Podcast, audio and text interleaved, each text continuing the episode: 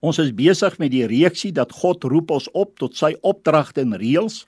As ons daarin gehoorsaam is, dan seën God ons.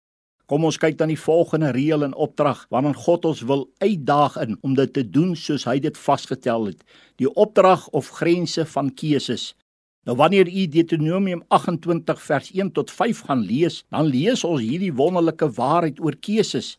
As jy dan goed luister na die stem van die Here jou God om sorgvuldig te hou al sy gebooie wat ek jou vandag beveel, dan sal die Here jou God jou die hoogste stel bo al die nasies van die aarde en al hierdie seënings sal oor jou kom in jou inhaal as jy luister na die stem van die Here jou God.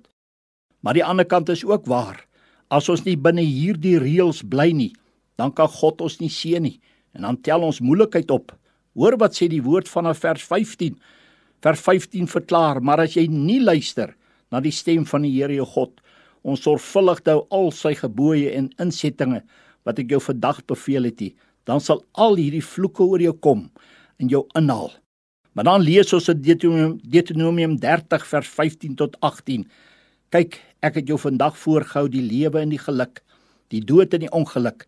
Wat ek jou vandag beveel is om die Here jou God lief te hê en sy weë te wandel en sy gebooie en sy insettings, sy verordeninge na te kom sodat jy kan lewe en vermenigvuldig kan word en die Here jou God jou mag seën in die land waar jy gaan om dit in besit te neem. Maar as jou hart hom afwend en jy nie luister nie en jy jou laat verlei sodat jy jou voor ander gode neerbuig en hulle dien, dan verkondig ek julle vandag dat julle sekerlik sal omkom. Julle sal die dae nie verleng in die land waar jy oor die Jordaan trek om dit in besit te gaan neem nie. Keuses het altyd gevolge. Bly ons binne die grense, is daar seën. Gaan ons buite dit, is daar probleme. Maar dan wil ek afsluit met Deuteronomium 30 vers 19. Ek neem vandag die hemel en aarde as getuies teen julle. Die lewe en die dood, die seën en die vloek, het ek jou voorgehou.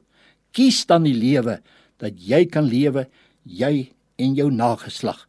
Ja, ons keuses kan tot ons nageslag beïnvloed. Kom ons maak die regte keuses in hierdie land dat ons ook 'n nageslag vir ons kan laat wat God verheerlik.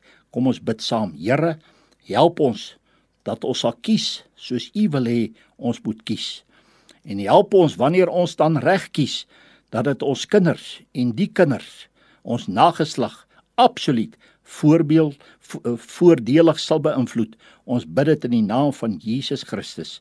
Amen.